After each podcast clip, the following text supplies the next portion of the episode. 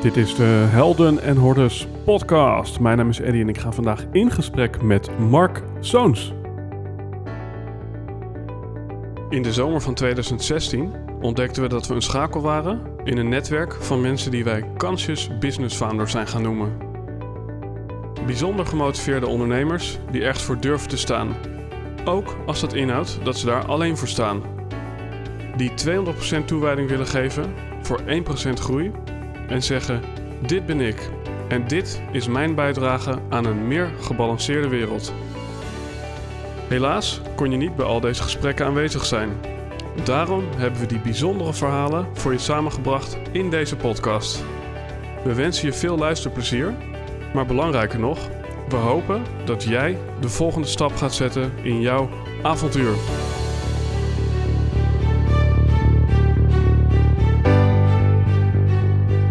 Alright, ladies and gentlemen, dit is de Helden en Hordes podcast en ik ga in gesprek met Mark Zoons. En wie is nou Mark Zoons? Nou, dat leer je natuurlijk in deze aflevering, maar als ik daar alvast iets over mag zeggen, dan is Mark Zoons de operationeel directeur van Tibor. En wie is nou Tibor? Nou, als je een vriend bent van de show, dan heb je een jaar geleden een aflevering geluisterd met Tibor Olgers. Nou, daar zijn we dus van kunnen kennen. En over vrienden van de show gesproken, wellicht wil je mij ergens mee helpen. Ik vraag dit niet zo snel, maar ik dacht, volgens mij na een aflevering of 80 is het daar wel tijd voor. Namelijk de vraag, wil je mij helpen met een 5 sterren recensie op iTunes? Dus je kunt of alleen 5 sterren geven, of je kunt daarbij een kort verhaaltje typen. Maar daarmee help je niet alleen mij, maar help je ook allerlei nieuwe luisteraars. Want daardoor wordt mijn podcast zichtbaarder in de charts, in de overzichten. En daarmee kan ik met al mijn gasten veel meer mensen bereiken. En er komen nog zoveel toffe afleveringen aan. Er staan er nu alleen op het moment dat ik dit opneem alweer 10 gepland. Dus er komt nog veel moois op je af. En ik zou het enorm waarderen als je mij een handje wilt helpen. Alright, wie is dan die Mark Soons? Nou, hij is dus operationeel directeur van Tibor.nl en auteur van het boek Stop met verkopen en start met helpen. En samen met Tibor Olgers runt hij een consultancygroep dat in een korte tijd uitgroeide van 3 ton naar 1,2 miljoen omzet. En dat met een klein team door strategische marketing te doen en menselijke sales. Want Mark gelooft in verkopen zonder trucs en nee verkopen aan klanten die niet bij je bedrijf passen. En ja, ik denk dat het een hele genuanceerde aflevering is voor iedereen die een eigen bedrijf heeft of voor iedereen die meer balans zoekt tussen woning, werk en woman als je een man bent. Ja, het is iemand die zijn zaakjes op orde heeft en dat zie je niet zo heel vaak. Je hebt vaak dat iemand ergens in uitblinkt en dan op andere stuk het laat liggen. Dus luister naar deze man vol nuance. Ladies and gentlemen, Mark Soons. Ja, leuk om hier te zijn. Grappig hè? Uh, ook jij bent iemand, uh, wij kennen elkaar zeg maar uh, uit de wandelgangen. Ik heb hier met Ellen van Vliet gezeten, met Marvin Leenders, natuurlijk ook met Tibor. Ehm, maar dit is de eerste keer dat we elkaar in het echt zien. Speciaal hè? Maar we doen gewoon alsof we elkaar heel lang kennen en ja. gaan gewoon lekker de diepte in. Um, mooie aftrap uh, op het moment uh, dat wij dit opnemen is misschien het volgende. Gisteren kreeg ik een artikel onder mijn neus geduwd waarom de meeste ondernemers beter af zijn in loondienst. En um, ik heb wel iets minder lekker geslapen daarna. Ja, dat kan ik me voorstellen. Misschien is het goed dat jij eventjes toelicht wat deze titel voor inhoud onder zich had hangen. Ja, het is iets waar ik natuurlijk dagelijks mee rondwandel. Ik heb heel veel mensen die ik tegenkom, die ondernemer zijn, of in ieder geval beter gezegd ondernemertjes spelen. En ehm, dat doen ze natuurlijk vanuit alle goede bedoelingen, vanuit een droom, vanuit een passie. Mensen die een baan hebben opgezegd om hun droom na te jagen. Mensen die nooit een baan hebben gehad. Ehm, maar daar zitten er gewoon heel veel bij. Mm die, uh, ja, die zitten gewoon op de verkeerde plek. En die, ja, die conclusie, die, die trekt niet iedereen. Ja. Dus ik dacht van, laat ik in ieder geval een mooie checklist maken voor mensen... om te kijken tot welke groep ze behoren. En ja, ja daar, daar was nogal wat reuring over, merkte ik. Maar Ja. dat, eh, dat was ook de bedoeling. Hoe komen mensen dan op die verkeerde plek? Blijkbaar dat ze, dat ze op de goede plek zaten. Ja, wat, wat je natuurlijk hebt is mensen die, ehm, die een droom hebben, eh, die verwarren dat nog wel eens met een doel. En eh, ik zeg altijd, als je eh, eh, een doel hebt, is dat een droom met een deadline. En vaak denken mensen dat het zo simpel is. Dus als ik nou eh, een mooi idee heb, eh, een, een, een plan, en dat ga ik in de praktijk brengen, dan, eh, nou, dan ben ik oké, dan, Ja. dan gaat het lukken. Alleen dat laatste, dat is gewoon geen garantie. Dus je kunt je best doen, maar je best doen is soms helemaal niet goed genoeg. En dat gaat er in Nederland nogal lastig in, dat je wel je best hebt gedaan, maar dat het toch niet goed genoeg was. Hè, dus Ja, je want als we dat eh, eh, vergelijken met het spelletje voetbal, dan hebben we een hele hoop eh, amateurs. Trouwens, je mag hem misschien iets dichterbij zetten hoor, maar even Ja. terzijde. Dan heb je een hele hoop amateurs, maar die, die weten dan op een gegeven moment, oké, ik kan hier niet van leven.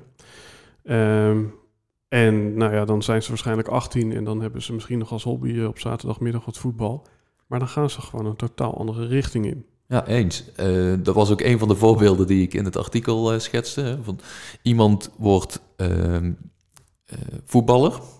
En dat kun je als amateur doen en als prof. Ja, Maar op een gegeven moment wordt het sneu als je 45 jaar bent en een gezin hebt en nog steeds denkt dat je prof kunt gaan worden. Terwijl wij allemaal weten, ja, boven de 30 hoef je dat eigenlijk al niet meer te proberen. Mhm.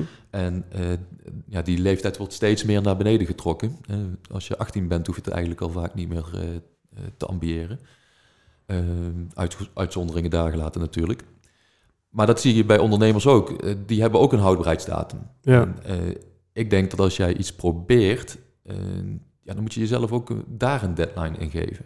Dus, en natuurlijk is de definitie van een echte ondernemer heel breed. Maar hij voldoet wel aan een aantal kerneigenschappen. En één daarvan is dat je winst maakt. ja. En dat je groei hebt in je bedrijf tot op een bepaalde hoogte. Ehm, hè, want je kunt ook groeien tot de, de hoogte totdat je tevreden bent. En dan eh, dat, eh, dat blijven eh, herhalen, dat spelletje.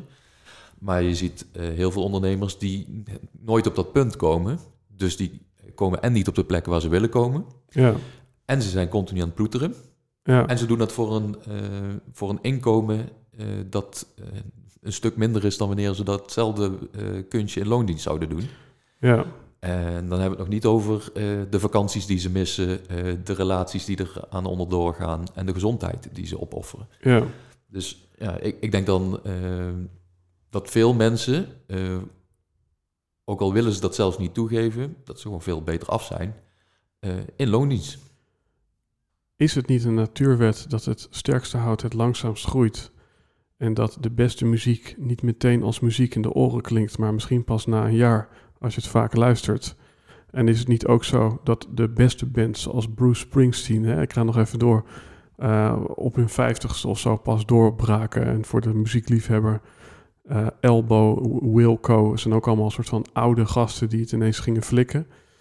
En dan zegt Alex er nog even leuk bij, Alex van der Werf, die we allebei kennen. Ja. Eh, ja, volgens mij begint het ondernemersleven pas echt, het succes pas echt als je 40 jaar oud bent. En dat staat dan wellicht een beetje in contrast met het voortijdig concluderen dat het er niet in zit. Ja, ik, ik vind dat een hele mooie eh, stelling, eh. Eh, fijn dat je me hier in de val lokt. Nee, wat, wat het is... ehm, kijk, of, of het nou tien jaar is of, of 50 jaar... bij, zoals je bij Springsteen wel zag dat hij talent had... en dat het gewoon nog niet zijn moment was... Ja, Ehm, is er ook een verschil tussen een ondernemer die echt wel alles in zich heeft, maar dat, dat het er gewoon net op dat moment niet uitkomt. Om En- welke reden ja, dan ook. En is, is dat talent dan, hè? Is, eh, waar je het nu over hebt, is dat het talent voor ondernemerschap of is dat het ta- talent voor vakmanschap? Ja, ik, ik scheid het altijd in twee dingen. Eh, je hebt mensen die goed zijn in een vak, dat zijn gewoon artiesten. En Mhm. die artiesten die eh, heb je in allerlei soorten en maten. Dus dat zijn niet alleen maar creatievelingen, dat kunnen ook fysiotherapeuten zijn of eh, eh, bakkers of metselaars. Dat zijn gewoon artiesten, die zijn goed in een vak. Ja, Dat ze datzelfde vak hebben besloten om als ondernemer of als ZZP'er te gaan doen. Mooi, maar dan moeten ze dus meteen ook een ander eh, vak leren, namelijk het vak van ondernemerschap. Ja, En ehm, ik, ik geloof altijd in competentie. En competentie eh, bestaat uit eh, drie dingen, waarvan wij het eigenlijk alleen maar over de eerste twee hebben. Dus als je het hebt over competentie, mhm. mensen hebben het altijd over kennis. Ja, dat weet ik al. Ja, ik weet precies wat je nu wilt gaan zeggen. Of ik weet wat ik moet gaan doen om mijn bedrijf naar het volgende niveau te brengen. Eh, ja, dus die kennis, dat is vaak het probleem niet. Eh, dan heb je het tweede aspect, dat is vaardigheden. En vaardigheden betekent gewoon dat je dingen kunt. Eh, dus je kunt wel van alles weten, maar als je niet kunt... toegepaste kennis eigenlijk. Ja, toegepaste, ke- toegepaste kennis. Ehm, maar ook gewoon dat, dat je het kunt. Dus je kunt ehm, salesgesprekken voeren. Je kunt producten bouwen en, en die aan de man brengen. Ehm, je, je, je kunt eh, eh, mensen aan je binden en bij je houden. Mhm. Ehm, je, je kunt met cijfertjes omgaan en je kunt daarop sturen. Ehm, dat, dat soort dingen eh, zijn gewoon dingen die je gewoon moet kunnen. Ja, En, en ja, daar wordt dan vaak naar gekeken. Eh, maar zoals ik dat in mijn tijd in het onderwijs zag, er is nog een derde component. En dat derde component is dat je het snapt. Hè? Dus dat je gewoon mooi. de wereld ja. snapt, dat je... eh, Box. Ja, Ja. dat is echt. Ja, nee, het is echt gek dat ik dat zo even doe, hè, maar. ehm, ik weet ook, en dan hebben we het opnieuw even over Alex, ja, dat er zijn maar weinig mensen die bij iemand in de les zitten en niet overnemen wat de docent zegt, maar overnemen wat de docent bedoelt. Als je snapt wat ik bedoel. absoluut. Ja, ja. Ja. En, dat, en dat is volgens mij een hele belangrijke. eh, ja, dat je, dat je, dat je die. eh, ja, ja hoe, hoe moet je dat zeggen? Ja, jij kan het misschien beter dan ik, maar dat je bij wijze van spreken niet. eh, ja, op een, ik noem het maar, staccato manier als een Tibor leert te communiceren. Maar de boodschap was: nee, communiceer op je eigen manier. Ja, en precies dat. En ik heb nou 14 jaar eh, eh, onderwijservaring onder de, onder de riem. Ik heb 14 jaar eh, in het mbo voor de klas gestaan als docent ondernemerschap. En wat ik daar dus heel veel zag, is dat mensen precies gingen doen wat ik zei.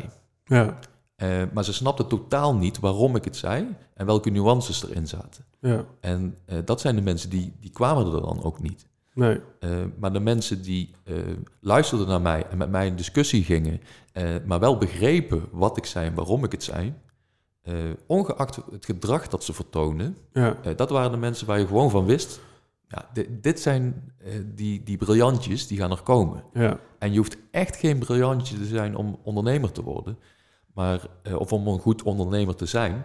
Maar wat wel ervoor nodig is, is dat je in ieder geval basiskennis hebt, ja, basisvaardigheden. ja. En dat je snapt waar je mee bezig bent en Ja. waarom dingen wel of niet werken. Ja, het zijn inderdaad ook van die natuurwetmatigheden waar ik het met mijn klanten ook regelmatig over heb. Hè, van heel veel klanten die, die geloven dat als je maar meer aanbiedt, dan heb je ook meer aanspraak. Ja. Dat klinkt heel logisch eh, taaltechnisch, van, eh, van aanbieding naar eh, aanspreken. Maar ja, we weten natuurlijk allemaal dat, eh, dat je dan een jack of all trades en een master of none wordt. Ja, als je niet kiest, word je niet gekozen. Ja. Ja. Eventjes terug naar eh, eh, de, de, de vakman. Ehm, ik kan me voorstellen dat als je echt een goede kunstenaar bent, of een artiest in jouw woorden, eh, dat er dan ook niet echt een werkgever is waarin dat volledig tot wasdom kan komen. Dus stel dat jij een hele specifieke muziekstijl hebt, ja, dan kan je wel onder een een of andere grootse Sony-label gaan zitten. Ehm, maar die eh, ja, gaat misschien ook vanuit een soort van, ja, kijkend naar alle andere artiesten, gaat hij jou een bepaald soort hitjes proberen te laten schrijven. En dan denk ik van ja, volgens mij is dat nou bij uitstek zo'n artiest, die, die moet eigenlijk managementloos door het leven gaan en dus moet hij zelf ondernemer worden. Of zeg ik nu iets raars? Nee, kijk, wij, wij denken altijd dat er maar één eh, weg is. Ik, ik denk dat er meerdere wegen zijn. Dus eh, je, je begint eh, met de gedachte, ja, dan moet ik het dus alleen doen. Ja, En ik denk dan, oké, is dat zo? Eh, is er niet een klein label dat voor 95% matcht met jouw eh, kernwaarden en jouw visie? Ehm, en die, waar, die jou wil, wil signen? Ja, Net zo goed als dat er voor een hele goede bakker ongetwijfeld wel een, een familiebedrijf is die, eh, die hem wil herbergen en eh, zijn, zijn, zijn, zijn vakkunsten tot, Ja, tot wasdom ja, kan laten komen. En eh, ja, dat zie ik gewoon heel veel. Ik, ik zie mensen die echt aan het worstelen zijn om dat eigenlijk vast te houden aan dat besluit van ik moet het zelf doen. mhm. Terwijl, ehm, ja, als je gewoon heel eerlijk bent, dan ja, kunnen ze het ook gewoon in een, eh, niet in, in een megabedrijf doen, maar misschien wel in een klein bedrijf waar, eh, waar de eigenaar van zegt van ja, ik wil dat, dat artiestengedeelte wil ik eigenlijk niet meer doen. ja, Maar je hebt bijvoorbeeld ook interim managers die gewoon heel goed af zouden zijn bij een familiebedrijf, die gewoon een operationeel manager zoeken. Terwijl ze nu allemaal op, eh, op 15 eh, verschillende bedrijven interimmer aan het spelen zijn. Waar ze eigenlijk ook niet gelukkig van worden. Mhm. Wat moet je wel hebben naast jouw specialisme, vakmanschap of ja, artistieke kunst? Dus stel dat ik alleen maar die kunstenaar ben. Wat heb ik daarnaast nog nodig om inderdaad ja, dat kleine bedrijfje met die paar eh, medewerkers toch te kunnen hebben? Ja, ik zeg altijd van als je een bedrijf runt, hè, dat doe je als ondernemer, dan ehm, ja, moet je de taal van, de, van het ondernemerschap spreken. En de taal van ondernemerschap, dat zijn cijfers, getallen. Ja? Dus als jij als ondernemer je basiscijfers niet snapt, of je kunt niet sturen op die cijfers, je snapt dus niet wat je daarmee moet doen met de getallen die je krijgt van je boekhouder of van je team, ja, dan ben je kansloos. Dat- ja, Dan, eh, dan ga je het gewoon niet redden. Eh, dus ik vind cijfermatig inzicht vind ik heel belangrijk, eh, omdat ja, daarmee kunnen ze je in ieder geval niet eh, naaien. ja, Ja, laten we het maar eh, plat eh, ja, zeggen. ja, ja, Maar, maar dat, dat is het gewoon zo. Kijk, als jij ehm, niks van getallen snapt, of, ehm, of je kunt je eigen cijfers niet lezen, wat heel veel ondernemers niet kunnen, ehm, ja, dan eh, heb je toch wel echt een groot probleem. Dan kun je wel extern een financieel eh wiskit eh, inhuren, mhm. maar uiteindelijk eh, kan ook die eh, denken van, oh ja, dat is wel makkelijk, ja. want hij snapt er echt niks van. Ja, dus eigenlijk in diezelfde artiest moet nog wel eh, ja, iemand zitten die zijn cijfers kan lezen. Ja, dat hoeft niet op, op heel hoog niveau, maar je moet wel gewoon je kerncijfers kunnen lezen. Dus Ja. je, je moet kunnen snappen wat, wat, wat je omzet is geweest, eh, wat je kosten per maand zijn, eh, hoeveel salaris je hebt uitgekeerd naar jezelf, hoeveel er naar de belasting moet, een hele belangrijke, Mhm. die vergeten mensen nog wel eens. En eh, wat er onderaan de streep overblijft en wat je daar vervolgens mee kunt doen. Hè? Dus als jij winst overhoudt, ja, moet je wel weten wat daar eh, mee kan en mee mag. Ja, Eh, sommige mensen denken dat winst netto winst is. Daar moet ook waarschijnlijk ook nog wel een beetje belasting af. ja, Ehm er zal ook nog geld terug in de zaak moeten bij, bij de meeste bedrijven Ja. om het allemaal draaiende te houden. Dus je kunt iets voor deze maand winst noemen, maar als je volgende maand eh, weer de huur moet betalen ja, en de salarissen en de inkoop moet doen, ja, is misschien handig dat je er iets eh, van op je rekening houdt. Heeft ondernemerschap in die zin veel te maken met groei? Eh, in de basis, in het begin zeker. En zo gauw als je verder komt, heb je een keuze. Dus zo gauw als jij het spelletje van groei snapt, dan kun je kiezen waar, waar je het laat eindigen. Ja, tot waar moeten we groeien dan? Ja, kijk, eh, tot, tot eh, de plek waarin jij eh, vindt, hiermee kan ik een goed leven leiden. Ja, En ook dat is iets wat ik heel vaak mis zie gaan. ja, Mensen zijn bezig met meer, meer, meer en, en groter. En, en, en dat is ook wat er vaak verkondigd wordt. Hè. Een bedrijf moet continu groeien en als een bedrijf niet groeit, dan sterft het. ja, Ja, ik heb daar zo mijn eigen gedachten over. Ik denk dat als jij een bedrijf hebt waarmee jij eh, jouw levensstijl kunt bekostigen, en die levensstijl is fantastisch, ja, waarom zou je dan nog een euro meer willen? ja, Er is nergens voor nodig. En dan met de kleine nuance dat je voor later ook nog wel iets eh, opzij wilt leggen. Eh, maar als je die twee dingen voor elkaar hebt, ja, dan ja, schiet mij maar lekker waarom je dan meer zou willen. Dan eh, heeft het meer te maken, maken met ego of dat je iets Ja. probeert te bewijzen of eh, dat je bepaalde pijn probeert te verdoven. Maar dat heeft niks meer mee eh, te maken met, met wat een bedrijf zou moeten doen. Moet je voor groei focussen op groei? Niet per se. Waar moet je wel op focussen? Eventueel. Ik geloof er altijd in dat je in twee, op twee manieren moet je kijken naar een bedrijf. Uh, in mensen en in geld. Dus ehm, ik ga bijvoorbeeld niet zo goed op ehm, focussen op groei in euro's. Maar ik ga wel heel goed op focussen in groei op aantal mensen die ik kan helpen. Ehm, daar zit natuurlijk een euro-cijfertje achter. Maar het is wel heel belangrijk om te weten van waar, zit jij primair? Dus waar ligt jouw voorkeur? En ieder, ieder mens heeft een voorkeur. Dus uh, een mens is of meer geld gedreven of meer mens gedreven. Uh, beide zijn belangrijk, want je ziet mensen die vanuit een menselijk spectrum een bedrijf runnen, zie je vaak in, in geldproblemen komen. Of die ene belastingaanslag van 2018 die nog opeens op de deurmat valt, die heel ja, verrassend is opeens. Terwijl je toch echt wel zou moeten weten dat die komt. Um, terwijl aan de andere kant heb je mensen die alleen maar op euro's uh, focussen. Ja, die uh, hebben heel hoog verloop van personeel, klanten die, uh, die niet blijven.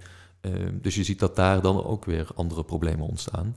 Ehm, maar als je focust op de mens en het geld, dan, dan ga je groeien. Ja. En, en moet je wel competent zijn natuurlijk, maar dat ja. is wel in de basis.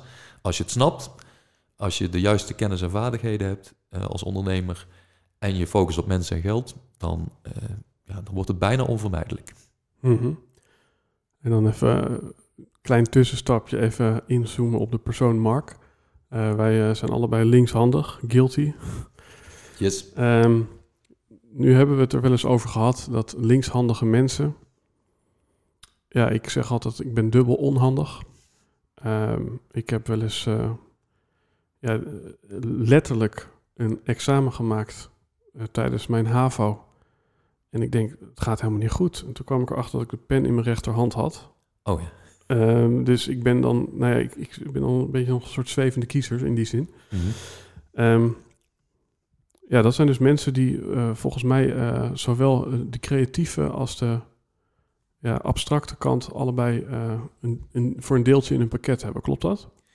Ja, ik, uh, ik had het net uh, met je erover. Dat, uh, het is een soort van experiment voor mij geworden inmiddels. Om te kijken wie er allemaal linkshandig is en hoe zij hun linkshandigheid gebruiken. Dus ik zei net ook al de stelling van ik heb nog nooit een linkshandige dakloze gezien. Ehm, en dat, ja, ik, ik denk dat, dat het iets te maken heeft met dat mensen die linkshandig zijn beide hersenhelften in ieder geval voor een minimaal gedeelte gebruiken. Terwijl uh, rechtshandigen misschien wel een, een, een, iets grotere voorkeur voor één uh, van de twee kunnen hebben. Uh, met alle positieve en negatieve gevolgen die, daar, die daarbij horen.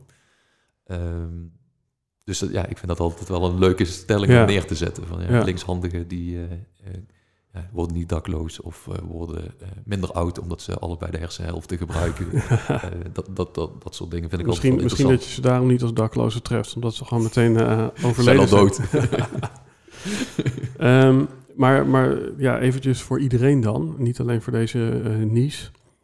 Um, het is dus belangrijk om, om ja, in beide competent te worden. Ja, ja, lijkt me wel.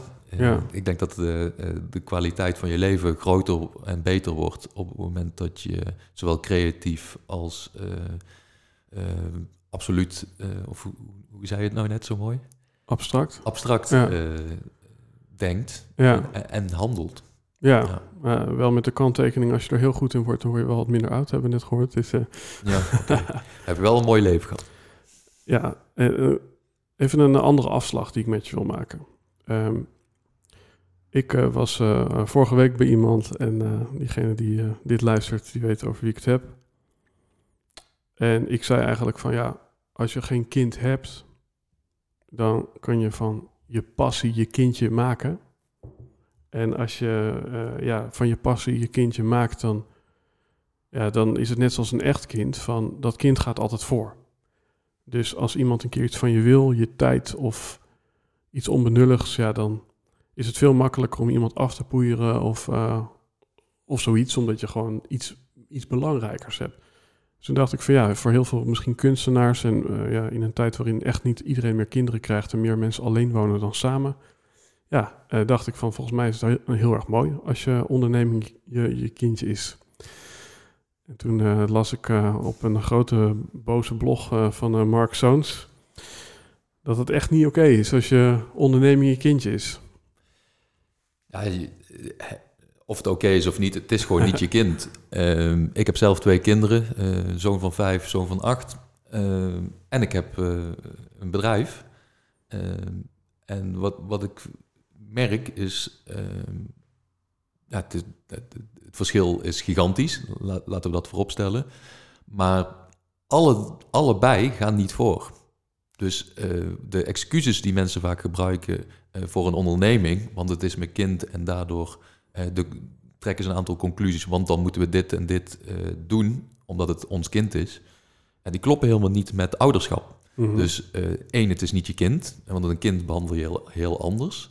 Ehm, en een kind zet je ook eh, terecht op het moment dat, je, dat er iets gebeurt wat niet in de haak is. Dus als er iets in je bedrijf gebeurt dat niet in de haak is, moet je die ook eh, terecht zetten dan. Hè? Ehm, en ook de ondernemer dan, want die is onderdeel van het bedrijf. ja. Ehm, maar los daarvan, het is niet je kind. Eh, ehm, het is ook geen excuus om, om dan maar bepaalde dingen niet te doen. Maar ook, het is maar een middel. Het is, eh, mensen verwarren eh, vaak het middel met het doel met elkaar. Het doel zou gewoon het leiden van een prachtig leven moeten zijn. En het bedrijf is een middel. Ja. En als je dan roept, mijn bedrijf is mijn kind, dan denk ik, oké, maar mijn kind is ook geen eh, middel, snap je? ja. Eh, dus ik, ik zag die raakvlakken sowieso al niet. Ehm, bovendien denk ik, ja, als je eh, zoveel ehm, persoonlijke waarde gaat hechten aan, aan je bedrijf, ja, dan, dan heb je er al een doel van gemaakt op zich. Wat is het doel wel? Dus welk doel kun je bewerkstelligen met ondernemerschap? Een mooi leven leiden. Ja. Ja. Je wilt, ja, je wilt een, eh, voor mij is het nog simpeler. Ik wil vandaag een mooie dag leiden. Ja. En eh, voor mij is de zin van het leven een reeks van dit soort mooie dagen leiden. Ja. Mooie gesprekken voeren met mensen waar ik graag mee praat. Ehm, mijn tijd spenderen met mensen waar ik blij van word. Eh, dingen doen die ik leuk vind. Eh, en dingen doen die voor mij zin hebben. Ja. Het leven heeft per definitie geen zin. Niets wat wij doen is eigenlijk zinvol. Eh, maar eh, we kunnen er wel zin aan geven. En dat noemen we dan zingeving. Mhm. Maar voor mij is het zo, eh, als je iets doet wa- waar je op dat moment zin in hebt, Mhm. ja, dan heeft het ook zin. Ja, en dat in contrast met iets wat ons allemaal ooit is geleerd. En dan komen we eigenlijk op twee onderwerpen. Eén is je B-hack, je Big Harry Audacious Goal. Dus over tien jaar sta ik daar. Ehm, ja, misschien daar eventjes te starten. Ja, Ehm, dat, eh, ik hoor je eigenlijk zeggen van nou, ik moet me alleen maar focussen op vandaag. Ehm, Maar- vandaag is wel het belangrijkste, ja. Ja, want, Eh. want, want als ik dat tien jaar doel niet heb, dan is het als het ware van nou, ik kijk niet eh, naar de vuurtoren aan de horizon, maar kijk naar het vlaggetje aan, aan de punt van mijn schip. En dat staat dan even symbool voor vandaag en die vuurtoren voor over tien jaar. Ja.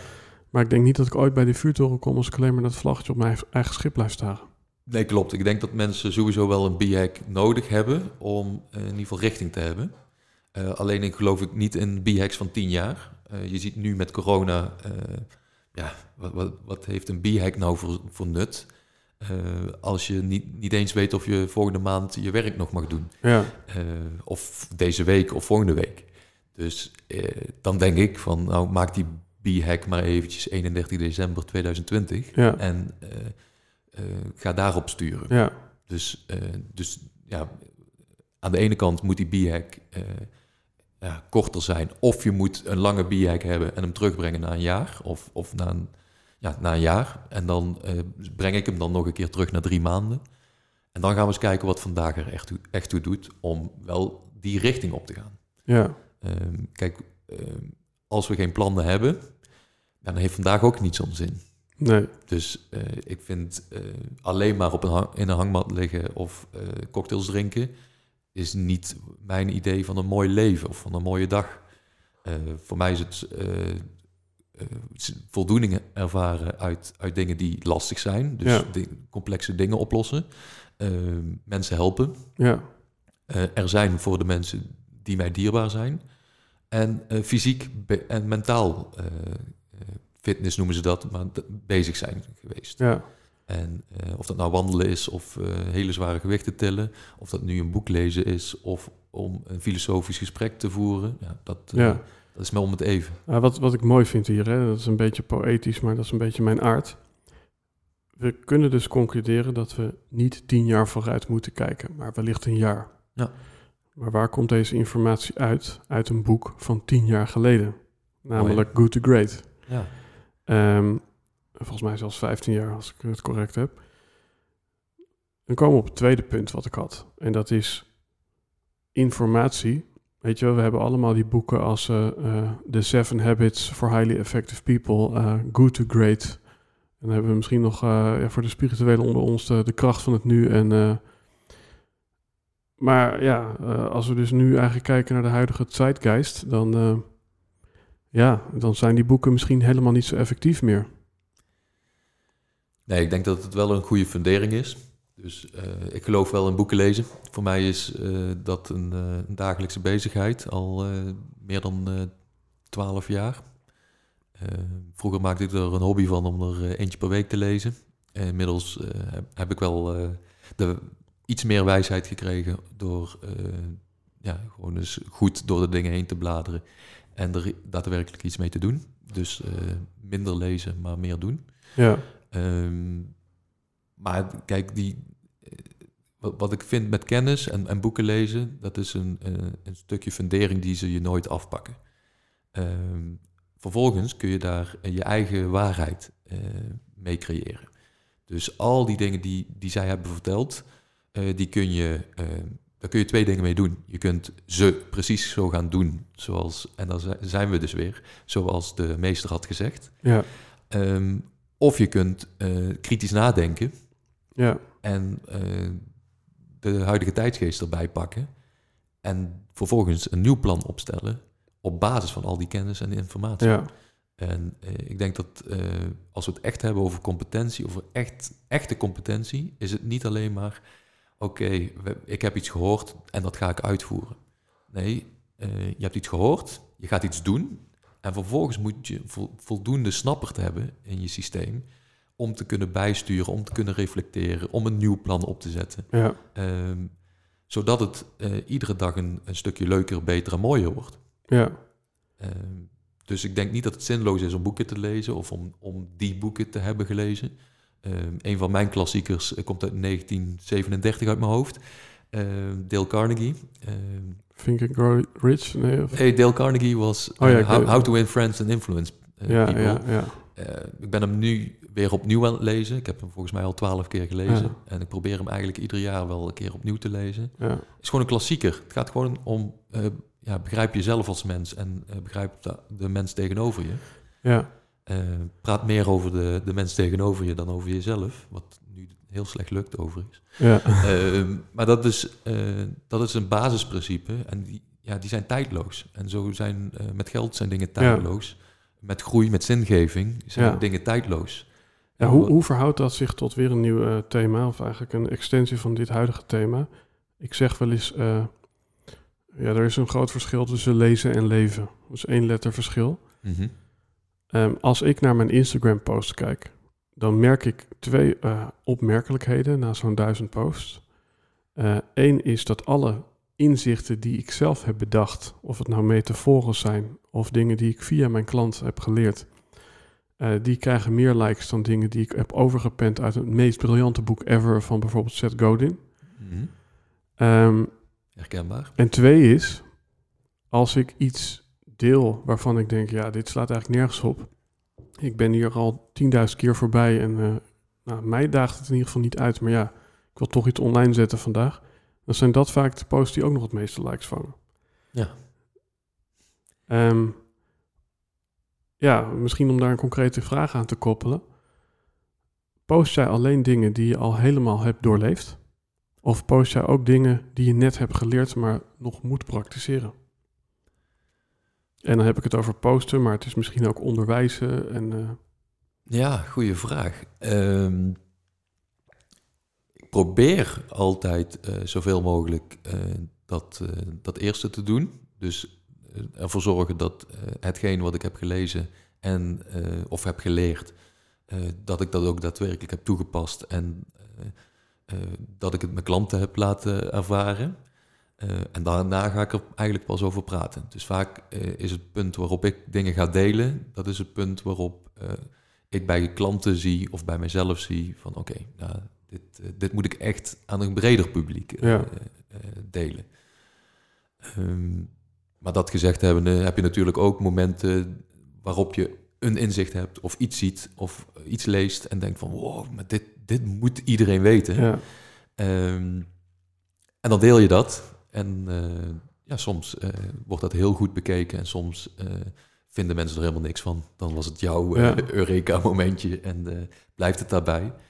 Uh, persoonlijk vind ik dat eigenlijk ook niet zo heel belangrijk hoeveel uh, likes en, en, reacties ik zeg je, zeg je daarmee dat je het als het ware test op de klant en daarna als het echt goed genoeg is, zet je het op Instagram? Want dan denk ik, nou dan volg ik je liever op Instagram dan dat ik geld aan je geef. dat is een leuke. uh, nee, het gaat, het gaat, natuurlijk om, we, we, doen heel veel dingen met onze klanten en waarvan we al lang weten dat ze werken. Ja. Um, maar er zijn natuurlijk ook altijd dingen die, um, ja, die mensen. Ehm, ik, ik, ik, leg dat het liefste uit met een concreet voorbeeld. Als ik nou tegen jou ga zeggen van uh, ja, je kunt beter geen ondernemer worden, want ehm, je, ehm, je bent alleen maar een vakidioot. Ja, dan vind ik wel dat ik dat moet kunnen staven met iets. dus dan moet je dus eigenlijk al een paar jaar met uh, heel veel ondernemers hebben gewerkt. Uh, gezien hebben dat heel veel mensen goed af zijn, uh, maar nog veel meer mensen beter af zouden zijn met een baan. Ja. Um, en dat hoeven niet per se onze klanten te zijn, maar gewoon wat je in je omgeving en in je netwerk ziet. Um, ja, dan durf ik dat te roepen. Mm Dan vind ik dat ook oké om te roepen. En dan kan ik alle weerstand ook uh, heel makkelijk uh, accepteren en kan ik daar een antwoord op geven. Ja. Um, dus het is niet zo dat ik mijn klant als proefpersoon zie, Eddie. Dus je kunt gewoon bij ons klant worden. Maar uh, nee, kijk, uh, wat je deelt op social media zijn vaak of basisdingen of one-liners of losse vlodders. Uh, en als je diepgang wilt, dan zul je toch altijd wel ja. één op één of één op iets, ietsje meer. ja, en, en, en, en, waar zit die diepgang dan in? Is het dat je face-to-face -face of in een programma meer content krijgt? Of, of is het iets anders waarin het verschil zit tussen het lezen van die lange beste fucking artikel op jullie blog bijvoorbeeld en daadwerkelijk uh, ja, aanwezig zijn. Ja, waar het hem gewoon in zit is eh, het verschil tussen uh, een recept krijgen en daadwerkelijk de chocoladetaart gaan bakken. Dus ik, ik heb dan op een mbo-school voor horeca en, en bakken gezeten. Wat, wat je daar dus zag, is uh, je kunt startende uh, leerlingen, kun jij gewoon uh, een recept geven. Of dat nou voor een chocoladetaart is of van iets anders, maakt niet uit. Je kunt iemand een recept geven en zeggen succes. En het wordt één grote teringzooi. Um, dus het zit hem niet in dat recept. Hè. Hij weet welke producten dat hij moet pakken. Hij weet wat, in welke volgorde die iets moet doen. En dat is ook wat heel veel mensen verkopen online. ze geven je het recept.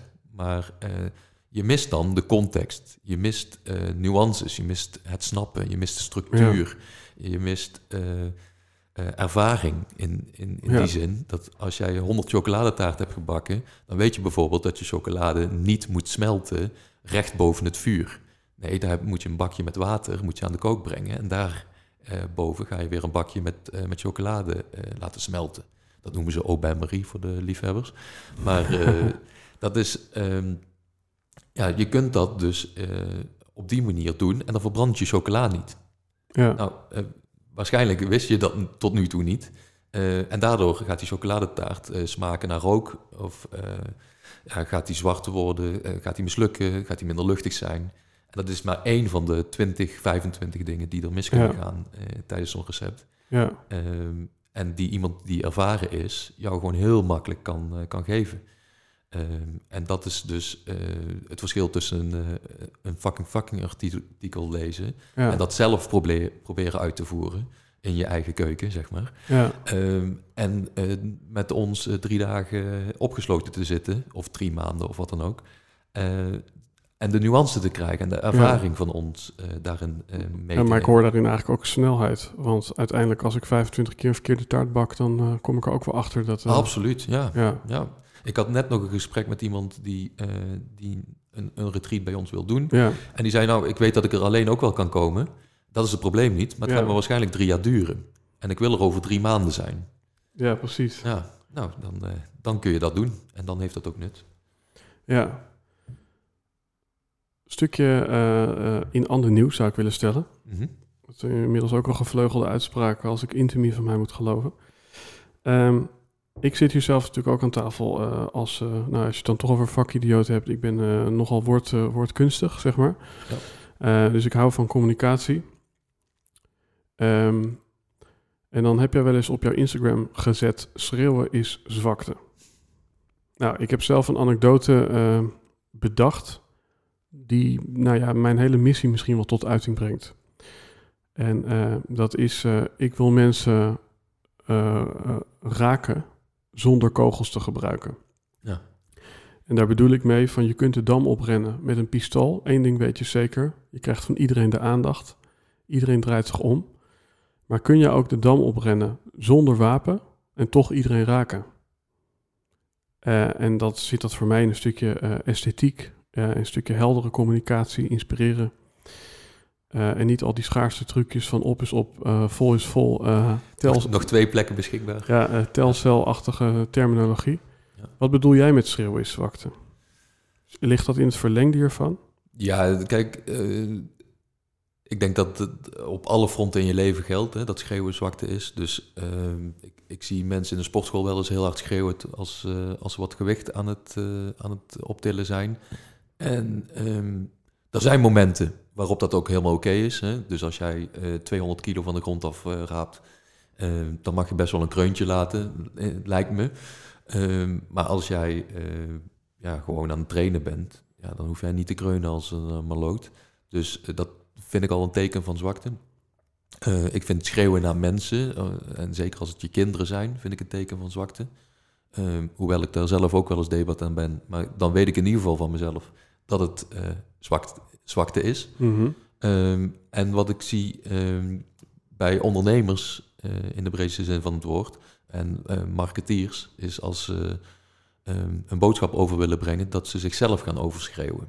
Dus dat ze denken dat ze mensen moeten overtuigen of dat ze ja. uh, dat harder praten helpt. Ja. Ik, ik, moet altijd zo, zo denken aan, uh, aan mijn opa, die, uh, waar ik mee altijd op wintersport ging in Duitsland. En hij kwam uit Limburg, dus hij dacht altijd dat iedereen Limburgs verstond. En Duitsers en Limburgs, dat lijkt veel op elkaar. Maar ja, het is toch wel anders genoeg dat een, dat een Duitser niet verstaat wat je zegt. Mm -hmm. Um, en zijn uh, primaire reactie was altijd om harder te gaan praten. Want ja, dan, dan verstaan ze je tenminste. Uh, wat natuurlijk onlogisch is, hè? want als ik harder Spaans ga praten tegen je, dan versta je me nog steeds niet. Dus ja, uh, ja dat, maar dat is leuk. Om, daar moet ik dan altijd aan denken. Want ja, heeft het dan nut om harder te gaan praten? Vaak ja. niet. Ik denk dat het vele malen effectiever is om de taal van de klant te gebruiken. Dus om de letterlijke woorden van de klant te gebruiken. Mooi. Uh, Maar ook de taal van je kind te leren spreken. Mm -hmm. Of de, de taal te, te leren van, uh, van krachttraining. Wanneer is dat dan oké? Okay? Uh, maar gewoon leer nou maar andermans taal. Ja, nee, wat, ik, wat, wat ik daarin ook volgens mij een verlengde ja, vind, is mensen die dan op een Instagram-account expert achter hun naam zetten.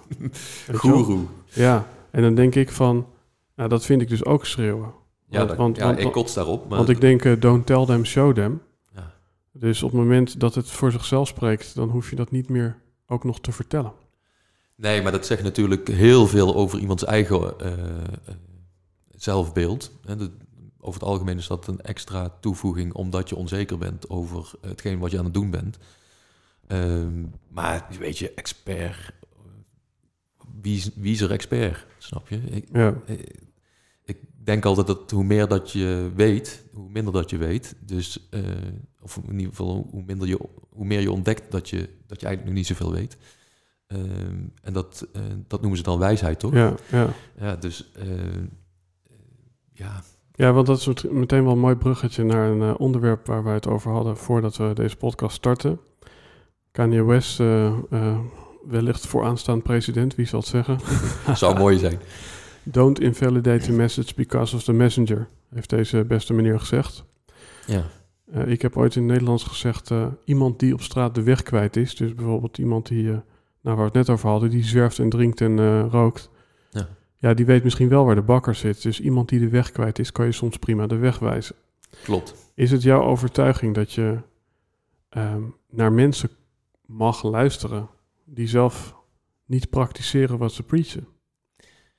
Ja, ik vond, ik vond het net ook al een lastige vraag, maar dat, dat blijft ook. Ehm, kijk, eh, mijn primaire overtuiging is dat als jij eh, niet competent bent in wat je, eh, wat je predikt, ja, dat het wel heel erg lastig wordt voor mensen om je te gaan geloven. Ehm, aan de andere kant ehm, zijn er uitstekende eh, voetbaltrainers die nooit echt heel goed waren in voetballen. Mooi, ja. Ehm, dus je, je kunt natuurlijk, er zijn uitzonderingen, maar eh, ja. En wat maakt zo'n voetbaltrainer dan toch nog geloofwaardig? Hè? Want ik hoor dan eigenlijk, you don't believe the message if you don't believe the messenger. Dat is geloof ik van Brian Tracy. ja. Maar dat is eigenlijk wat je zegt. Ja, kijk, als een, ehm, een voetbaltrainer eh, altijd gekorfbald heeft, dan maakt het niet uit hoe goed hij is als trainer. Dan denk ik dat eh, zijn team gaat muiten. Zij gaan denken van, ja, wie ben jij nou om ons te vertellen eh, wat we moeten doen? Ja, Eh, maar als iemand wel affiniteit heeft met voetbal, eh, dan is het oké. ja, Dan denk ik dat het al sneller geaccepteerd wordt. Ehm, hetzelfde als met die zwerver. ja, Ehm, ja, hij is compleet de weg kwijt. Maar dat is een andere weg die hij kwijt is. ja, mooi. Dat is een hele goede nuance, ja. Want, En- want deze man die weet natuurlijk als geen ander hoe die stad in elkaar zit. Exact. Dus als jij, eh, eh, ik gaf je net het, eh, het voorbeeld van de hypotheekadviseur, waar ik ooit een keer heel boos op ben geworden, omdat hij zelf huurde en dat ik in staat was om weg te lopen en mijn vrouw mij nog een beetje wilde tegenhouden. Ehm, maar als, ja, ik denk dan van als jij eh, geen ervaring hebt in eh, de emotie die jouw klant heeft, ehm, dus jij snapt niet dat naar een notaris gaan en een handtekening onder eh, een paar ton zetten best spannend is. En je zegt van nou, als je het voor die paar duizend euro moet laten, dan, ja, dan moet je het niet doen. Of dan hoor je hier niet te zijn. Ja, dat vind ik prima als iemand dat zegt, terwijl hij zelf eh, die handtekening een paar keer heeft gezegd. Maar als hij hem nog zelf nog nooit heeft gezet, dan denk ik, hou je mond alsjeblieft. Ja, Eh, dus het, ja, met, zoals met alles in het leven eh, gaat de nuance, die, die zorgt Ja. ervoor dat, dat een stelling wel of niet waar is. ja? En one-liners vind ik prachtig, maar je hebt ook het echte leven. En dat Ja. is ook wat ik bedoel met, ja, je kunt mijn one-liners geloven of het ermee eens zijn of er totaal mee oneens zijn. Maar dat betekent niet dat- wij elkaar niet zouden kunnen vinden in een gesprek of in een dialoog. ja, Eh, en, en nog beter, eh, we kunnen nog steeds oneens zijn met elkaar, maar en nog steeds elkaar recht in de ogen aankijken. Ehm, en dat mis ik vaak bij, eh, bij mensen, zeker online. Dat Ja. het, eh, het gaat alle kanten op, behalve eh, de kant van eh, leven en laten leven. ja. Ehm, Ja, Peter Maasdam, die hier ook in de podcast zat, een eh, vriend van mij, eh, die noemt dit eh the right to sell. En in deze context zou je kunnen zeggen the right to tell. ja. Dus dan, ja, het gaat er gewoon om dat iemand, ja, toch op, op in ieder geval dat ene stuk die vaardigheid eh, laat zien. ja, maar het draait allemaal om competentie. Dus ook die, eh, die voetbaltrainer, als die heel competent is, ja, dan... eh, kijk, eh, ervaring is niet een graadmeter voor competentie. Eh, is één van Nee, de ja, eh, ja, dingen ja. die, die helpen. Eh, net zoals kennis is geen graadmeter voor competentie. Ja, en hoe, en hoe verhoudt dat zich hè, tot een post die Tibor een keer heeft geplaatst? als je bij de top 20% wil komen, dan moet je 100 dagen achter elkaar iets posten, want dan groeit je competentie. Maar, maar dan hoor ik je nu eigenlijk zeggen, oké, ik heb nu 100 dagen ervaring, maar ik ben nog steeds niet competent in het schrijven op Instagram. Ja, wat je doet met, met, die, eh, met die challenge is... eh, je hebt mensen die heel veel bezig zijn met kennis... en je hebt eh, heel veel mensen die die kennis dan ook niet toepassen. of gaan delen met de wereld. En daar gaat die challenge om. Dus zo gauw als je kennis en ervaring hebt, dan heb je alweer een stapje meer richting competentie. Ja, ja. Eh, dan nog steeds ben je er niet, inderdaad. Nee, want het mooie is, heel veel van mijn klanten, die, die geef ik ook iets soortgelijks als een soort van aanverwant aan het project om hun verhaal te bevrijden. Dat ik zeg, ja, als je verhaal wil gaan vertellen, eh, omdat je het nog niet weet, dan moet je hem alvast gaan vertellen. Dus net zoals als je eh, je auto, eh, als je auto wil leren rijden, dan moet je alvast gaan rijden. Ja. Wat een soort paradox is. Maar ik hoor je hier wel zeggen van oké, die mensen gaan wel rijden, maar die gaan ook studeren in die auto en die lezen er ook een boekje bij. Ja. En dat is dat uur per dag wat je besteedt aan waar ga ik eigenlijk over schrijven vandaag wellicht. Ja, de theorielessen. Ja, Ehm, dus, dus ik zeg altijd van ja, als je eh, nou een kwartiertje of een half uurtje leest eh, over een bepaald onderwerp of over jouw vak of over ondernemerschap, ja, ga dan gewoon eh, lekker drie keer zoveel tijd spenderen om dat de wereld in te trappen. ja, want dan weet je gewoon zeker dat, dat je feedback van de wereld krijgt. ja, Dus of ze vinden het helemaal niks, of ze vinden het geweldig, maar je krijgt feedback van de wereld. ja. En die feedback, die kun je aan het einde van de dag tot je nemen. En dan kun je gaan reflecteren en bijsturen. ja, maar wat mij lastig lijkt, hè, en dat is misschien meer een persoonlijke vraag, maar ik stel hem toch. Doe maar. Eh, als je zeg maar eh, steeds specialistischer wordt. Dus ik heb mijn eigen methode. Eh, ik weet, ik ben goed in woordkunst en structureren. En dat is al een vrij kleine postzegel in het hele landschap van marketing. Laat staan in het landschap van ondernemen. Ja, ehm, als ik iedere dag een half uur wil studeren over mijn vakgebied, dan kom ik erachter eh, dat het, ja, dat klinkt arrogant, maar soms is het zelfs andersom. Dus andere woordkunstenaars of copywriters, tekstschrijvers of propositiemensen, die lezen iedere dag een kwartiertje bij mij. Ja. Eh, omdat, en dan denk ik, ja, waar moet ik mijn kennis nog vandaan halen als ik het, zeg maar, eh, ja, specialistisch wil houden en niet holistisch, omdat ik maar hele andere onderwerpen, eh, ja, als uitgangspunt neem, omdat daar toevallig nog een boek over in mijn kast stond. Snap je wat ik bedoel? Ja, ik snap het heel goed. En eh, ik denk dat je op een gegeven moment ook gewoon... eh, en dit is niet populair, maar je bent op een gegeven moment ook gewoon uitgeleerd. En dan moet je gewoon meer doen. Ja, Dus, en dan moet je... en dan kun je gaan kijken, en dat is de kans. Want vaak blijft die focus tussen eh, kennis en kunde zitten. Dus, oh ja, ik, ik weet nu eh, heel veel en ik wil nog meer weten. En dan gaan we het in de praktijk brengen. Maar probeer het nou maar eens gewoon allemaal beter te snappen. ja, Hè, wa- wa- waar we het net over hadden. ja, Ehm, de essentie snappen. ja. Dus als jij daarop gaat focussen... Je, Maar dat gaat ook heel vaak over nuances. Alleen al in dit gesprek waar je het, het verschil tussen ervaring en competentie duidelijk maakt. Ja. Ja, dat zijn van die dingetjes van dan, dan ga je het echt begrijpen. ja, Ja, ja, ja, en ehm, ervaren eh, is iets anders dan begrijpen. ja, En dat eh, mensen denken vaak, ja, ik heb zoveel jaar werkervaring. ja, Of ik ben zoveel jaar al ondernemer. ja. Ja, dat zegt helemaal niks. Nee, Als je al, al zoveel jaren het allemaal verkeerd hebt gedaan, of niet hebt gezien wat er om je heen Ja. gebeurde, ja, dan snap je het nog steeds niet. nee. We En- hadden, we hadden het net over, ke- over kennis. Mhm. En dan vind ik het mooi om het nu even over kennissen te gaan hebben. Ja. Ehm, namelijk eh, de mensen waar jij je door laat inspireren. Want ehm, dan zijn er mensen die, eh, die zijn nogal eenkennig eh, en hebben het dan over één kennis. En dan noem ik bijvoorbeeld uh, Ilko Smit, die zegt eigenlijk altijd... je moet het liefst maar één mentor hebben. Ja. En zo was Ilko zelf ooit alleen mijn enige mentor. Ja. Dus ik luisterde naar niemand behalve naar Ilko. Mhm. Hoe, eh, eh, ja, hoe zie jij dat? Kun jij van iedereen om je heen wat leren? Of kies jij één mentor uit waar je een half jaar of een jaar mee optrekt... en alle andere meningen, daar ben je even wars van? Nee, ik, ehm, ik geloof in onderwerpen of thema's. En eh, daar kies ik eh, in mijn ogen de beste eh, voor uit. Dus als ik eh, meer gewicht wil, wil tillen in een, in een krachthonk, dan ga ik daar iemand voor uitkiezen die in de top van de wereld heeft gezeten. Ehm, als ik advies wil over een bedrijfsovername, dan ga ik dat advies vragen aan de beste bedrijfsovernameadviseur.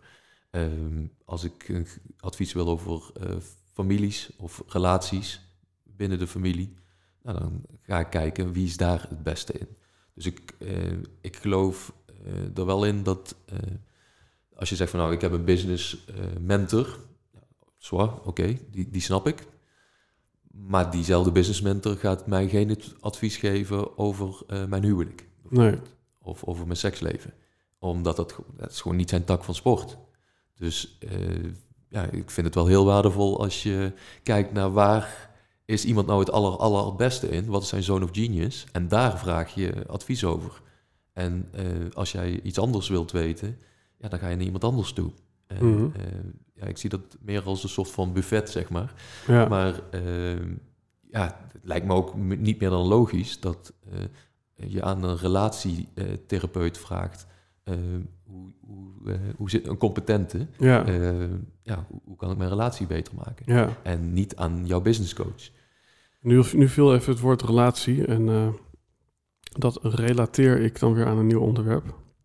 Eh, en dat is dat ik wel eens Mooi. heb, ja, heb, ik, heb ik wel eens gehoord dat jij op je dertigste eh voor het eerst ja, aan de vrouw ging, kan ik dat zo stellen? Ja, nou, niet, niet voor het eerst. Hè. Dat zou impliceren dat ik daarvoor nog geen vrouwelijke eh, interactie eh, had gehad. Maar eh, nee, ik ben tot mijn dertigste vrijgezel geweest inderdaad. Ja. En eh, daarvoor heb ik echt wel vriendinnetjes gehad. Maar eh, nee, ik heb, ik heb tot mijn dertigste genoeg van de wereld gezien en van, van, Van de vrouwelijk schoon. Ja, Ehm, en daar ook ja, mijn lering uitgetrokken. En vervolgens ehm, mag ik nu al, eh, al tien jaar mijn leven delen met, eh, met iemand waar ik eh, Mooi, ja. heel erg blij van word. Ja. ja. Dat heeft ja, misschien tot consequentie dat je tot aan je dertigste ook veel alleen bent geweest. ja, dat klopt. En zo heb ik dat niet ervaren ook. Maar dat is wel... ehm, ja, ik vind dat gewoon horen bij de, bij de prijs die je betaalt als je een bepaalde keuze maakt. En wat was die bepaalde keuze? Ja, je kunt kiezen voor eh, korte termijn fijn. Hè, dus eh, je kunt een, eh, een partner kiezen die goed genoeg is, een zesje of een zeventje, waar je van denkt van nou, het is niet helemaal wat ik zoek, maar eh, ja, we doen het er maar mee. Letterlijk en figuurlijk. en, ehm, maar dat, dat is wel wat ik heel veel heb gezien. Eh, wat ik ook heel vaak te horen kreeg hè, van mijn vrienden die eh allang eh, getrouwd waren en kinderen hadden. Ja, goed voor them. Mhm. En die tegen mij zeiden van ja, je, je hebt je standaard te hoog liggen. En nou, die, die gaan we in ieder geval niet verlagen. Want ik ken mijn standaard en ik heb jouw standaard gezien. Ja. Ik denk dat mijn standaard prima is. ja. Ehm, dat blijkt ook uit het aantal scheidingen dat vervolgens eh, bij die mensen ook eh, is eh, voortgekomen. Ehm, dus ik denk dat, dat je beter kunt kiezen voor lange termijn fijn Mhm. en korte termijn pijn. En die korte termijn pijn is dat je misschien wat vaker Netflix alleen kijkt of eh, Dat wat je de vaker enige alleen in de kerst die eh, inderdaad alleen tegenover die rollade zit. Ja, maar ik, ik heb het eh, eerlijk gezegd ook niet zo ervaren, omdat ik gewoon wist waar ik het voor deed. Ja, en dat vind ik wel interessant. Hè? Van, ehm, je hebt dus je standaard verhoogd. En toen zei ik een keer bij Elko de Boer... eh, en dan kan je beter fietsen, Ja. als je omhoog staat. Ehm, maar, maar wat maakt dat iemand van, laten we zeggen, 18 tot 30... eh, daarin kiest voor lange termijn fijn en niet voor korte termijn pijn? Ja, ik, ehm, ik had eh, als puber al als eh, mijn motto eh, was waarom makkelijk doen als het moeilijk kan. Ehm, en dat vonden mensen een heel raar motto. Die dachten van ja, ik, ik ga lekker voor makkelijk. Maar ehm, ja, op je achttiende heb je geen zin om vijf dagen per week in een sportschool door te brengen. Dan wil je op stap gaan en, en heel veel alcohol drinken. En, ja, ik koos anders. Dus ik ik vond sporten heel erg eh, fijn. Ja. Ik had een doel, namelijk Ja. ik wilde eh, eh, fysiek gezien gewoon niet de graadmagere jongen zijn die ik op mijn zeventiende was. Ehm, ik wilde zakelijk gezien, wilde ik ook echt iets bereiken. Ja. En daar had ik ook een lange termijn visie voor. En, en sorry dat ik je onderbreek, hè, maar hoe verhoudt dit zich dan, even advocaat van de duivel, tot alleen vandaag? Want, Ehm, want als je alleen vandaag leefde, dan had je op je 18e iedere dag in de kroeg gestaan. Klopt. Ehm, la- laten we dat eh, voortschrijdend inzicht eh, noemen. Ja, Eh, ik denk dat, dat, er, dat ik op mijn achttiende ook niet dacht van ik wil vandaag een mooie dag hebben. Op mijn achttiende dacht ik, ik wil voor mijn dertigste wil ik alles gefixt hebben. ja, Dus dat is een hele andere manier van, van denken. En, wat, en wat, wat is alles, hè? Want daarna begon eigenlijk pas je relatie. Ja. Dus, dus blijkbaar was een relatie En daarna geen, ben ik ook pas volledig ondernemer geworden. Eh, daarna eh, kwam ik eh, fysiek en mentaal in, in een staat waar ik daarvoor ook niet heb gezeten. En dus, dus het is wel een stukje. Waar kwam, waar, kwam dat, ja, waar kwam dat bewustzijn vandaan? Dat je toch dan zo ja, vrij serieus in het leven staat. Op jonge leeftijd. Ehm, nou, dat serieuze zat hem vooral in het feit dat ik eh, al heel vroeg mijn eigen boontjes moest doppen. Eh, mijn ouders zijn gescheiden toen ik 12 was. En eh, mijn moeder die moest flink werken om alles recht te houden. En zei tegen ons van, nou, vanaf je 16e, 17e mag je mee helpen met, met werken. En vanaf je 18e met betalen. Dus als Mhm. je op jezelf wilt gaan wonen, dan, dan mag dat ook. Ja, Ehm, en dat heeft eigenlijk ervoor gezorgd dat ik dacht van, nou, oké, ik moet wel iets verder kijken dan mijn neus lang is. ja, Ehm, en toen ik 17 was, dacht ik van, ik wil voor mijn 30ste miljonair zijn. Nou, toen kwam ik op mijn 25ste erachter dat één, ik dat niet ging redden. En twee, dat ik eh, dat ook helemaal niet ambieerde eigenlijk. Maar ik- wat ik wilde is ehm, een stukje onafhankelijkheid en vrijheid. Ehm, en die heb ik tot mijn dertigste gehad en toen kreeg ik een eh, vriendin. Nee. nee, maar waar, waar het, eh, ik, ik denk dat het ook eh, een stukje natuur is. Dus dat ik, ehm, ik hou van, van plannen. ja.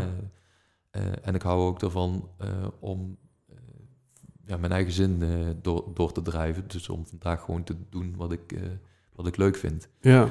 En die combi is voor mij in ieder geval een gouden combi. En wat nu blijkt, is eh, voor onze klanten ook een hele ja. belangrijke combi om eigen te maken. Ja, want eh, nou ja, dan pak ik me even terug op een eh, momentje eerder in dit gesprek eh, rondom eh, eh, corona, waarin eigenlijk alles zo snel verandert. Ik heb gisteren zelf een eh, blog geschreven die eh, nogal wat aanspraak kreeg. En dat is eigenlijk, eh, ja, met de golf van corona eh, de, eh, zijn we niet als gezondheid, maar de lineaire tijd verloren. Ja.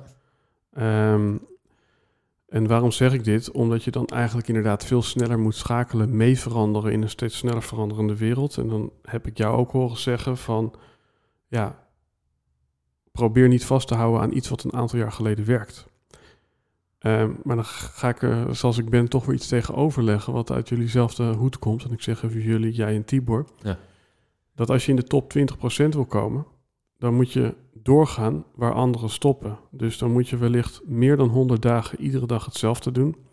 Of, je, eh, of dat nou gaat om een Instagram-post, of het uitdragen van één propositie, of het verkopen van één product. Maar ja, dan komt corona eventjes voorbij waaien. En dan eh, ja, moeten we ineens toch allemaal schakelen en moeten we allemaal over op Zoom in plaats van zaaltjes vullen. Ja. Dus hoe verhoudt snel mee veranderen zich tot succes is geen sprint, maar een marathon? Ja, kijk, ehm, wat, wat, wat heel belangrijk is, is dat je, je hebt een plan met, eh, met je bedrijf bijvoorbeeld. Mhm. En dat plan kun je nog steeds uitvoeren. Alleen wat mensen vaak eh, missen in dat plan is de, de reden waarom ze nou iets aan het doen zijn. En eh, een goed plan is een businessplan. En een goed businessplan bestaat uit een aantal onderdelen. Namelijk, wie is je doelgroep? Hè, wie is nou die kleine club mensen die jij het allerbeste wilt helpen en kunt helpen? Ehm, welk probleem, welk specifieke probleem ga je oplossen voor die persoon? Ja, Ehm, en wat maakt jouw oplossing uniek? ja, En als je die drie dingen heel scherp in de gaten houdt, ja, dan kun jij ook in, in coronatijd eh, kun jij manieren vinden. eh, ook Dus, al denkt ja. de rest van jouw branche van niet, mooi. ehm, om dat businessplan uit te voeren. Dus het mee veranderen zit in de vorm en niet in de inhoud. Precies. Ja. En wat je dus eh, bijvoorbeeld ziet bij eh, een vriend van me, die heeft twee horecabedrijven. Eh, en die worden hard geraakt, hè, zoals je weet. Horecabedrijven zijn dicht. Mhm. Ehm, en toch krijgt hij het dan voor elkaar om binnen 24 uur een bezorgservice uit de grond te stampen. die bijna de hele gemeente bedient en waar de orders als een malle binnenstromen. ja. Ehm, ja, een beetje voor je beeldvorming. Hij heeft 60 man personeel, eh, twee bedrijven. Dus je, je hebt echt wel eventjes eh, wat verantwoordelijkheid en Ja, eh, ja, ja. even wat kopzorgen als je, je tokus dichtgaan. Maar om dan de, de weerbaarheid en de wendbaarheid te hebben om te weten van oké, welke mensen bedien ik ook alweer? Ja, ja, En welk probleem ga ik voor ze oplossen? En wat maakte onze oplossing nou ook alweer zo uniek? ja? Dus hij eh, doet alles met een glimlach en, en met een grapje. ja. eh, en ze doen dingen net wat anders dan, eh, dan de concurrentie. En dat blijven ze uitdragen. Dus dan, dan een Ja, verpakking ja. is niet een standaard verpakking. een de- bezorgmoment is geen standaard Nee. bezorgmoment. maar dat, dat soort van de verwarring tussen vorm en inhoud, dat is misschien iets wat al bij de Bijbel begon. Ja, Dat, dat mensen ja, het letterlijk namen in plaats van figuurlijk.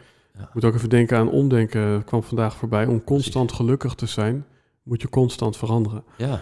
En dat is ook een beetje eh, waar we het nu over hebben. Maar de Koran is ook zo'n mooi eh, voorbeeld. Hè? Dus alle, eigenlijk alle heilige boeken, die worden te letterlijk genomen. En daardoor eh, ja, ontstaan er heel veel problemen. Terwijl die niet hoeven te ontstaan als je de competentie hebt om, Ja, om hem te snappen. Een laatste afslag voordat we naar een afronding gaan is eh, zichtbaarheid. Ehm, in een van jullie Hemera-brieven las ik dat zichtbaarheid heel belangrijk was. En dan moet ik ook even denken aan, eh, volgens mij was dat eh, inderdaad Brian Tracy, 80% is showing up of succes. Dus Ja. succesvolle mensen zijn zichtbaar. Ja, succesvolle bedrijven zijn zichtbaar. Leg uit, Eh, Johansen. Ja, omdat eh, je hoeft al, jij hoeft als ondernemer niet per se eh, zichtbaar te zijn eh, binnen je bedrijf. Ehm, je kunt daar ehm, zelfs iemand voor inhuren die Ja. het gezicht is van het Ja, bedrijf. ja, je ziet ehm, de eigenaar van Nescafé, van Nespresso, zie jij niet Nespresso-apparaten nee, verkopen. nee, Nee, je ziet George Clooney ja, Nespresso-apparaten verkopen. ja, mooi. Dus je bedrijf moet zichtbaar zijn. Ja, En ja, wij houden van mensen, hè, wij kopen van vrienden. Ehm, dus zullen we eh, het menselijk moeten maken. ja, dus iemand aanstellen die als een vriend voelt. Ja, Ja, ja, en als jij dat bent, prima. Maar eh, als jij het niet bent, eh, nou, dan zoek een nieuwe vriend. Ja, ja. Dan hebben we het over zichtbaarheid. En dan denk ik of het nou die persoon is. Of het is nou eh, inderdaad dat merk. Of die KPI of hoe je het wil noemen. Ehm, je moet ergens zichtbaar mee zijn. En daar kwam dan altijd in mij op van... eh, ja, heel veel waarde delen. Weet je wel, van eh, net zoals kaasblokjes op de markt en aardbeien. Ja. Hoe, hoe meer je die kunt proeven, hoe groter de kans dat je uiteindelijk een stuk koopt. Mhm. Maar er stond er ook van oké, het gaat om zichtbaarheid en om waarde, maar niet om waarde weggeven. Want als je, wie, wie, ja, op het moment dat je je waarde weggeeft, is je waarde weg. Ja, dat is mooi. Ja, dus, dus, dus, dus waarmee word ik dan zichtbaar? Om te voorkomen dat ik niet mijn hele inboedel, eh, zeg maar, eh, ja, een soort van eh, gratis de deur uit doe. Ja, ik, ik denk dat het ehm, dat tweeledig is. Je hebt, aan de ene kant heb je dat blokje kaas, waar ik heel veel over nadenk. En waarom zou je dat doen, de- nadenken over een blokje kaas? Maar ik vind het leuk als je dan een supermarkt in loopt en dan liggen daar blokjes kaas. Bedoeld als gratis weggever Ja, om je kernproduct, namelijk kaas, te verkopen. ja, Ehm, als ik een blokje kaas aan mijn zoontje geef, snapt hij dan wat de bedoeling is? Zegt hij dan, ik wil een blok kaas? Waarschijnlijk niet. Dus daar zit, gaat heel veel marketing al mis. vissen zonder haak noem ik dat. Ja, omdat, je, omdat de klant dus niet begrijpt wat nou de bedoeling is. Ja, Dus als jij een, een blokje kaas zonder call to action hebt, ja, ga ik die blok kaas niet kopen. Nee. Als, als er een blokje kaas is met een goede aanbieding, Ja. bijvoorbeeld, ja, eh, met de kaas die echt in mijn neus zit, ja, ja, dan wordt het al een stukje makkelijker. ja. Dus dat, dat is de ene kant van het verhaal. Ehm, en de andere kant van het verhaal is, ja, je kunt hartstikke veel weggeven. Dat is helemaal geen probleem. Ehm, zo- want uiteindelijk weten mensen, eh, eh, wat jij weggeeft is vaak toch maar het wat. Dus eh, ja. wa- wat moet je doen? Maar waarin geef je je waarde dan weg? Want, want wanneer kan je je waarde dan weggeven? Want dat staat volgens mij in een Hemera-brief. Is, is er een manier om, om toch in één keer blut te zijn, om het zo maar te zeggen? Dat je denkt, fuck. Weet je, kijk, in dating, als ik inderdaad volledig eh, die ander inpak met cadeaus en dat soort zaken, ja, dan is wellicht mijn waarde weg. Maar hoe zit dat dan in business bij deze? Hoe- Ja, kijk, je kunt je waarde weggeven door exact te vertellen hoe mensen iets moeten doen. ehm, waardoor ze eh, denken, en dat hoeft nog niet eens waar te zijn, dat ze het daarna zelf kunnen. Ja, Ehm, en daar gaat het nog, eh, nog ook wel weer een mooie nuance, hè? dat ze denken dat ze het zelf kunnen en dan niet meer bij terugkomen, maar alsnog niet geholpen zijn. Exact. En ik, eh, de strekking van, van mijn boek, eh, Stop met verkopen, start met helpen, is ook... Je kunt mensen pas helpen als ze klant zijn. Ja, Dus je moet eerst wel de, de skills hebben om ze klant te maken. Ehm, en dat hoeft niet met overtuigen, maar dat, eh, eh, je, me- je, je kunt pas mensen echt helpen eh, en, en als ze klant zijn. Dus help je mensen door ze klant te maken. Eh, waarom kun je mensen niet helpen als ze geen klant zijn? omdat ze dan eh, vaak niet de, de inhoud krijgen. Hè, Ze krijgen het recept. En Ja. dan denken ze met het recept zelf te kunnen gaan Ja. koken. Ja, een vriend van mij noemt dat wow, not how. Ja, ja wauw, of, of, of wat, not how. ja, Ja, je hebt er verschillende van. ja, ja. Eh, promoot de, het, het wat, maar niet het hoe. Dat hoor je ook heel vaak in de, Ja, in de marketingwereld. Ehm, vind ik ook wel een kern van waarheid in, eh, ja. in zitten. Ehm, maar zelfs al promoot je het hoe, dan gaat het vaak ook nog niet lukken bij mensen. ja. Zeker met de ondernemerschap, omdat eh, ja, da- daar is echt een specifiek soort competentie voor vereist. ja. Eh, dus ik kan jou het allerbeste strategieplan voor de komende drie maanden geven. Maar als jij niet daarop op gemonitord wordt, als jij niet eh, de inhoud snapt waarom we Ja, voor ja. die dingen hebben gekozen en wat je nou maandag moet doen en wat je dinsdag moet doen, ja, dan, dan is het echt eh, zinloos. ja. Ehm, en zo geldt het met heel veel eh, dingen. Als je, ja, jij kunt de beste campagne voor, eh, voor je klanten maken.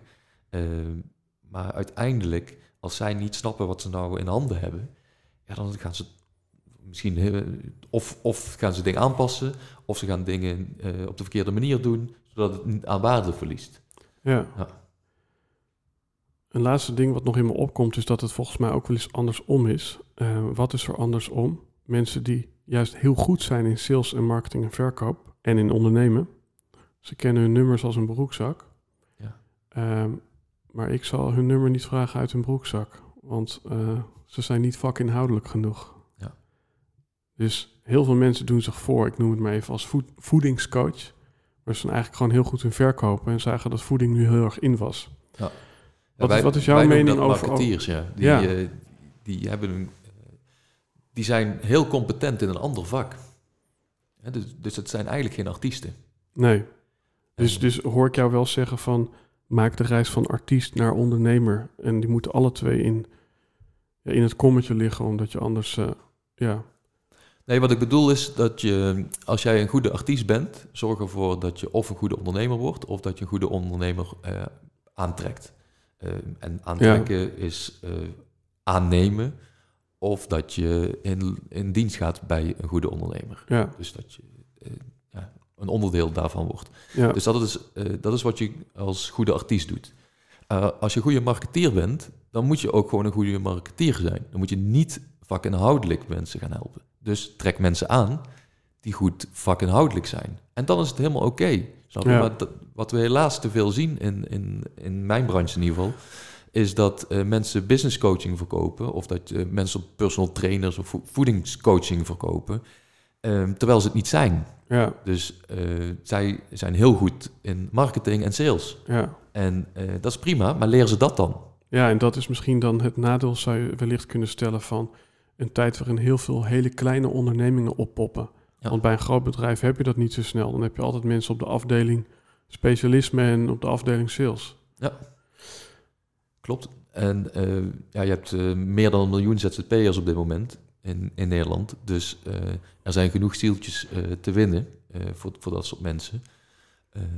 Maar het is wel zonde. Ja, Mensen gaan heel veel geld uitgeven aan iets wat, eh, wat ze uiteindelijk ja eh, en, niks en, oplevert. en, en, en daar zouden we op zichzelf een aflevering eh, over kunnen maken. Maar dat doen we nu eventjes niet. Nee. Van ja, het verschil tussen proberen inderdaad transacties te verkopen in plaats van mensen te helpen en alle schaarse trucjes en toestanden die we daarbij kunnen toepassen. Ja.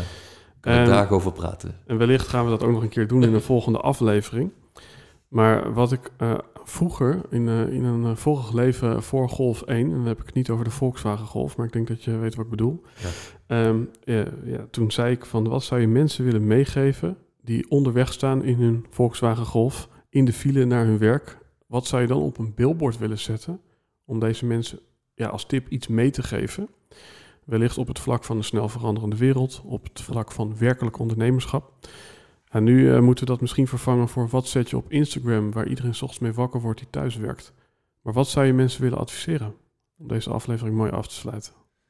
Ja, ik had er al even over nagedacht. Ik had, ik had gelukkig eh, nog wat eh, interviews geluisterd. En ehm, ik had de vraag dus al verwacht. Hij is eigenlijk heel simpel. Ga buiten spelen. Dat is wat ik op een bord zou zetten. Op anderhalve meter afstand met een mondkapje. Maakt me niet uit. Ga, ga het bos in. Maar eh, ga buiten spelen. ja, Ik denk dat dat eh, op dit moment het meeste ontbreekt. ja, Mensen letterlijk binnen zitten. ja, Ehm, en eh, ja, als ik de eh, experts mag geloven ja, eh, op het gebied van gezondheid, dan eh, ja, is dat hetgene waar, waar we juist nu een, een chronisch gebrek aan hebben. Namelijk eh, buitenlucht en, en zuurstof. ja. Eh, maar ook gewoon rondwandelen in de natuur. En, eh, Of aanschuiven bij deze podcast, want Ja. eh, hangt hier nogal wat zuurstof in de lucht met al die planten. denk ja, ik. dat gaat goed hier, hè? Lijkt wel een kwekerij. hey eh, Mark, eh, heel leuk om jou in het echt te ontmoeten. Is er één plek waar je nu de luisteraar naartoe zou willen verwijzen? Een linkje, een pagina, een platform? Ja, kijk, ehm, voor de mensen die ondernemer zijn en, eh, en graag eh, daar, daar verder in willen groeien, zou ik zeggen, ga naar www.tibor.nl en eh, doe, doe de intake en kijk of we iets eh, voor je kunnen betekenen. Ehm, en eh, dan, dan gaat dat zeker goed komen. Tof. Alright, andere linkjes, wellicht ook naar jouw eigen pagina's en dat toestanden, allemaal in de show note van deze podcast. Ondertussen kijk even in de camera, want ik kreeg van vaste kijkers te horen dat ik deze aankondiging altijd doe zonder dat ik in de camera kijk.